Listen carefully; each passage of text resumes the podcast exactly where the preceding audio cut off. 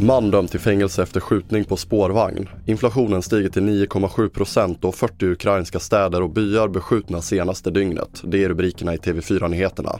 Men vi börjar med att en 59-årige man som i augusti i år sköt en kvinna på en spårvagn i Göteborg döms för vållande till kroppsskada och grovt vapenbrott till två och ett halvt års fängelse. Det meddelade Göteborgs tingsrätt idag.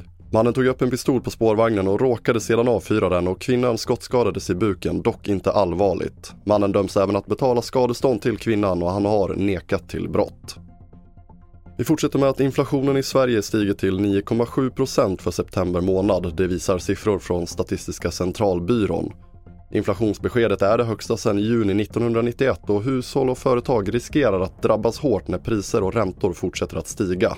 Andreas Hatzigeorgo är chefsekonom vid Stockholms handelskammare. Det kommer leda till eh, smärta hos många hushåll och företag. 140 000 kronor extra i utgifter nästa år jämfört med i fjol för ett genomsnittshushåll i Skåne och 137 000 kronor eh, i ökade utgifter för ett genomsnittshushåll i Stockholm nästa år jämfört med i fjol. Det är mycket pengar. Och det senaste dygnet har fler än 40 ukrainska städer och byar beskjutits med ryska robotar. Detta efter att FN sagt att Rysslands annektering av ukrainska områden är olaglig, det säger den ukrainska armén enligt Reuters. Ukraina ska ha svarat med 32 attacker mot 25 ryska mål. Och vi avslutar med att från och med i år kan lantbrukare få investeringsstöd för fossilfri teknik och de höga elpriserna har gjort att många nu söker pengar för att få göra el av gödsel.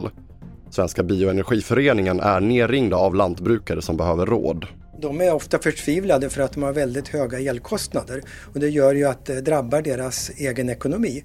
Biogas är ju ett bra alternativ, särskilt för eh, de som har djur på gården, mjölkproducenter och så, de har mycket egen gödsel som man kan göra biogas av. Eh, och med de här höga priserna så är det klart att de sparar en hel del pengar på att slippa köpa, men de kan tjäna pengar på att sälja el också. Det sa Kjell Andersson på Svenska Bioenergiföreningen och det sätter punkt för TV4-nyheterna.